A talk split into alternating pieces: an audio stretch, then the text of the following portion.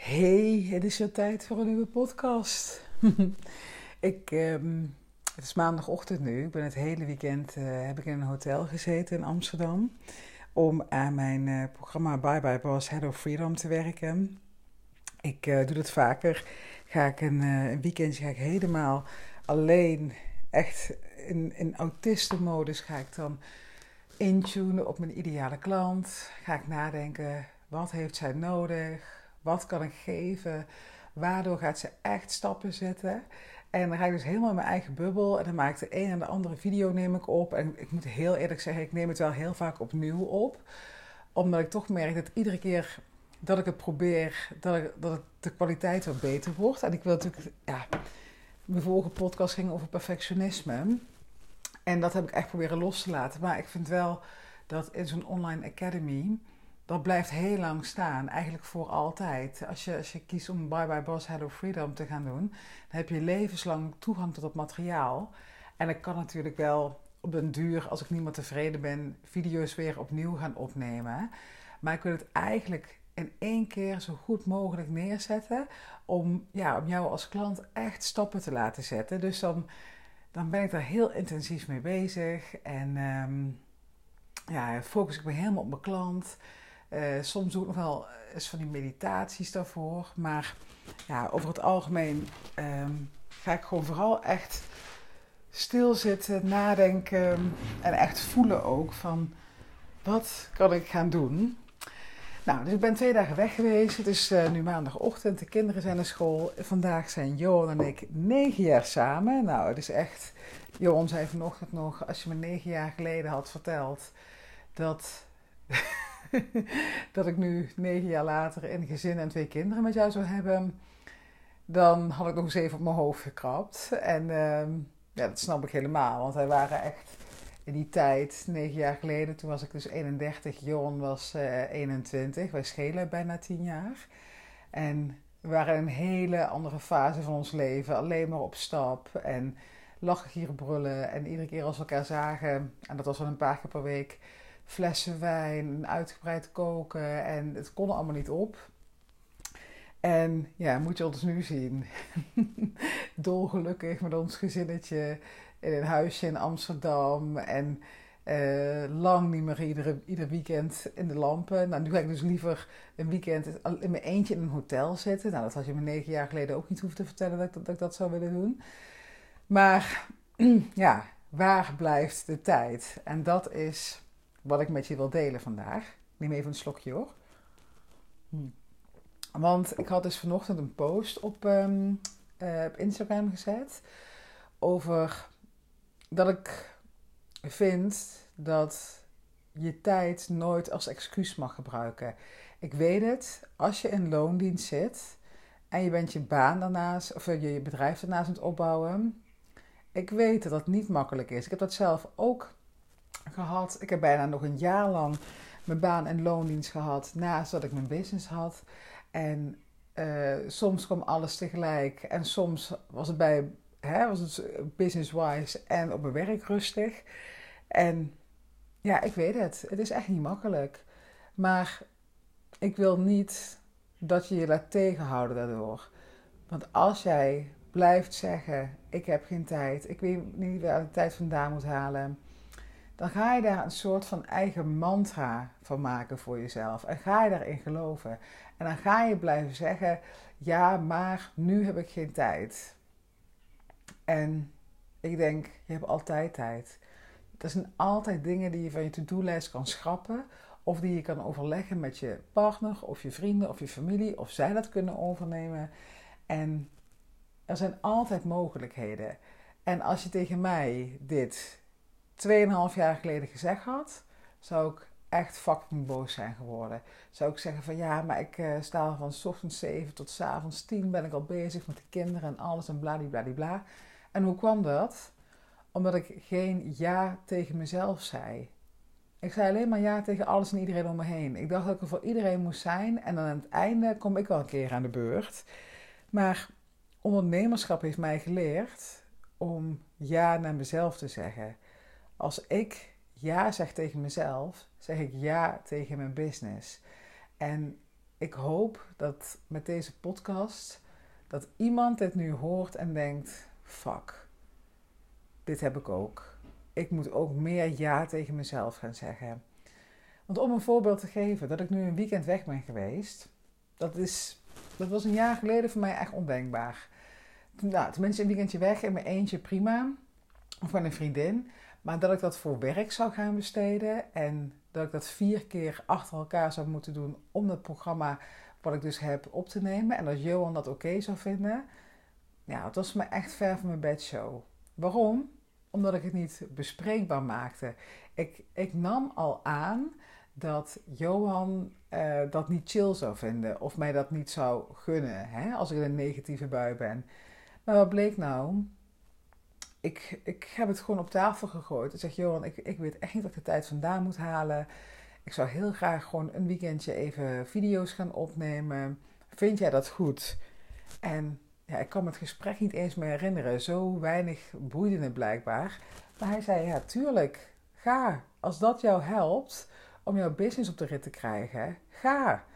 En ik zei van, ja, maar besef je wel dat het zijn acht modules.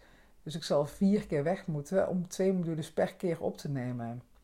Prima, zei hij. Doe. En ik was daar gewoon verbaasd over. Terwijl, ja, dat lag dus helemaal aan mezelf. Ik heb nooit eerder dat soort dingen durven claimen en durven vragen, omdat ik altijd een soort van overtuiging had. Ik moet er altijd voor Johan en het gezin zijn. Ik moet dienstbaar zijn. Ik moet zorgen. Ehm, en ook misschien wel hele rare gedachten van als ik er niet ben, dan loopt het hele, uh, het hele ritueel, het hele huishouden in de soep.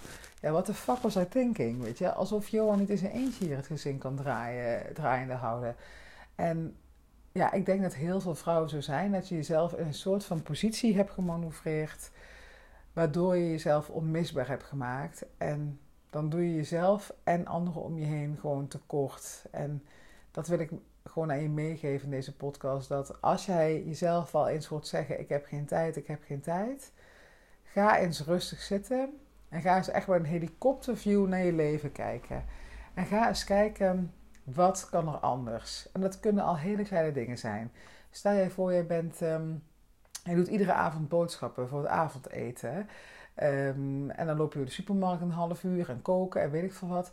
Wat nou als je nou eens uh, je boodschappen laat bezorgen? Of wat nou als je eens besluit om één keer in de week uh, heel simpel een, een pan soep op tafel te zetten hè, en, en een pak? Of als je gewoon. Um, ja, we hebben, je moet gelijk denken aan, we hebben hier van die hele lekkere Indonesische toko's op de hoek zitten. Hè. Kun je echt voor 5 euro halen, echt een hele lekkere gezonde maaltijd. En ja, dat doen we ook niet iedere week, maar weet je, dat, dat geeft je alweer heel veel ruimte. Maar het zijn kleine dingen, hè. Wat nou als je deze winter eens geen Netflix-serie gaat starten? Wat nou als, um, nou wat ik zelf heel vaak gedaan heb, als ik echt in tijdnood zat, tijdens corona bijvoorbeeld, tijdens de lockdown. Um, ja, dan kon ik blijven roepen, ik heb geen tijd, ik heb geen tijd. Maar ik dacht, ik ga tijd creëren. Ik ga gewoon eerder opstaan. En dan stond ik echt om half vijf s'nachts op en ging ik op mijn fietsje naar het kantoor en ging ik daar tot een uur of acht echt vlammen. Ja, je kan je voorstellen tussen vijf en acht, drie uur zonder dat iemand je belt, appt, geen social media. Hoe productief je kan zijn, heb ik nu nog profijt van.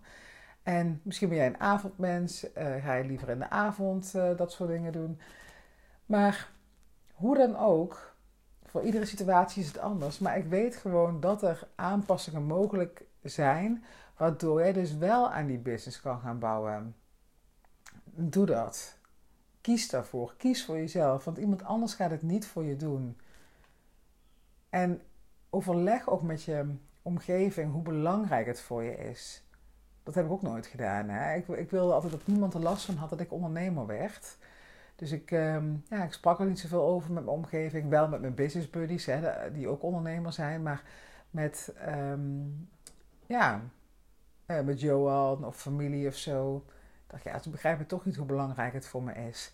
Nee, de, omdat ik het ook niet vertelde. En ja, je moet dat gewoon, dat soort dingen openbreken. Ik heb dat van mijn coach geleerd uh, een paar weken geleden. Die zei, Sandra, als je met dingen in je hoofd blijft hangen en je komt niet vooruit, breek het open. Dan doorbreek je die cirkel. Vond ik zo verhelderend dat hij dat zei. Hmm. En ja, ik hoop gewoon dat jij er iets mee gaat doen. En als je nou echt denkt van... Sandra, je hebt geen idee waar je het over hebt. Ik heb het zo fucking druk met mijn werk. Of ik heb twee kleine kinderen. Had ik ook toen ik startte met ondernemerschap en een fulltime baan had. Maar als je dat dus denkt van, maar ik heb echt geen tijd, dan juist, dan weet je dat jij in de weerstand zit en dat hier heel veel te halen valt. Echt heel veel. En misschien zie je het zelf niet meer omdat je onder druk of onder stress staat en in vaste patronen zit. Maar ga dan eens praten met ja, je partner, je omgeving. En ga eens kijken wat zij zeggen. Van waar, waar heb jij nog ruimte? Waar kan jij nog tijd creëren? Of kan iemand iets van je overnemen? Het kan in zo'n kleine dingen zitten. De weekenden, weet je, als jij er gelukkig van wordt om aan je business te werken. Misschien kan je wel een paar uurtjes uh, door de week, of het weekend uh, uh, naar, in, een, in, een, koffietentje gaan zitten en daar lekker gaan werken. Alles kan, hè? Echt alles kan. Laat je niet tegenhouden door al die belemmerende gedachten van, maar ik kan niet, maar ik kan niet. Je houdt jezelf klein. Echt waar. Straalangst noemen ze dat ook wel eens. Niet er vol voor durven te gaan uit angst dat het gaat mislukken. Maar wat nou als het wel gaat lukken? Hoe mooi kan jouw leven zijn? Echt, neem jezelf serieus. Als jij het voelt kriebelen, ga voor die business, alsjeblieft. Je hebt dat niet voor niks. Er zijn genoeg mensen in de wereld die nul kriebels in hun buik voelen om iets voor zichzelf te starten. Het komt niet eens in ze op. Maar jij, als jij dat wel hebt, als jij wel die kriebels voelt ergens, dan zit er een verlangen. En geef er alsjeblieft gehoor aan. Want om even terug te komen op het onderwerp van deze podcast, tijd. De tijd vliegt voorbij. Voor we het weten zijn we die oude opa's en omaatjes. En kijken we terug op ons leven en denken we... Had ik maar, had ik maar. En dat wil je niet. Kies echt voor jezelf, alsjeblieft. En als je nou denkt van... Als je nog steeds denkt van Sandra... Ehm, ik snap wat je zegt, maar ik, ik weet het niet. Ik zie het zelf niet. En uh, hoe moet ik dan met mijn vriend dat gesprek aangaan? Plan alsjeblieft een call met me. ik, eh, ik merk dat dit onderwerp gaat me echt heel erg aan. En dat komt gewoon, ja, wat vrouwen zichzelf vaak tekort doen. Plan een call met me, kan je gratis doen op de website uh, sandramanders.nl. Kies je voor gratis en dan zie je Freedom Call staan. Plan je een call met me en dan ga ik jou helpen om die tijd voor jezelf te creëren en om echt voor jezelf te kiezen. Doe het. Wat heb je te verliezen?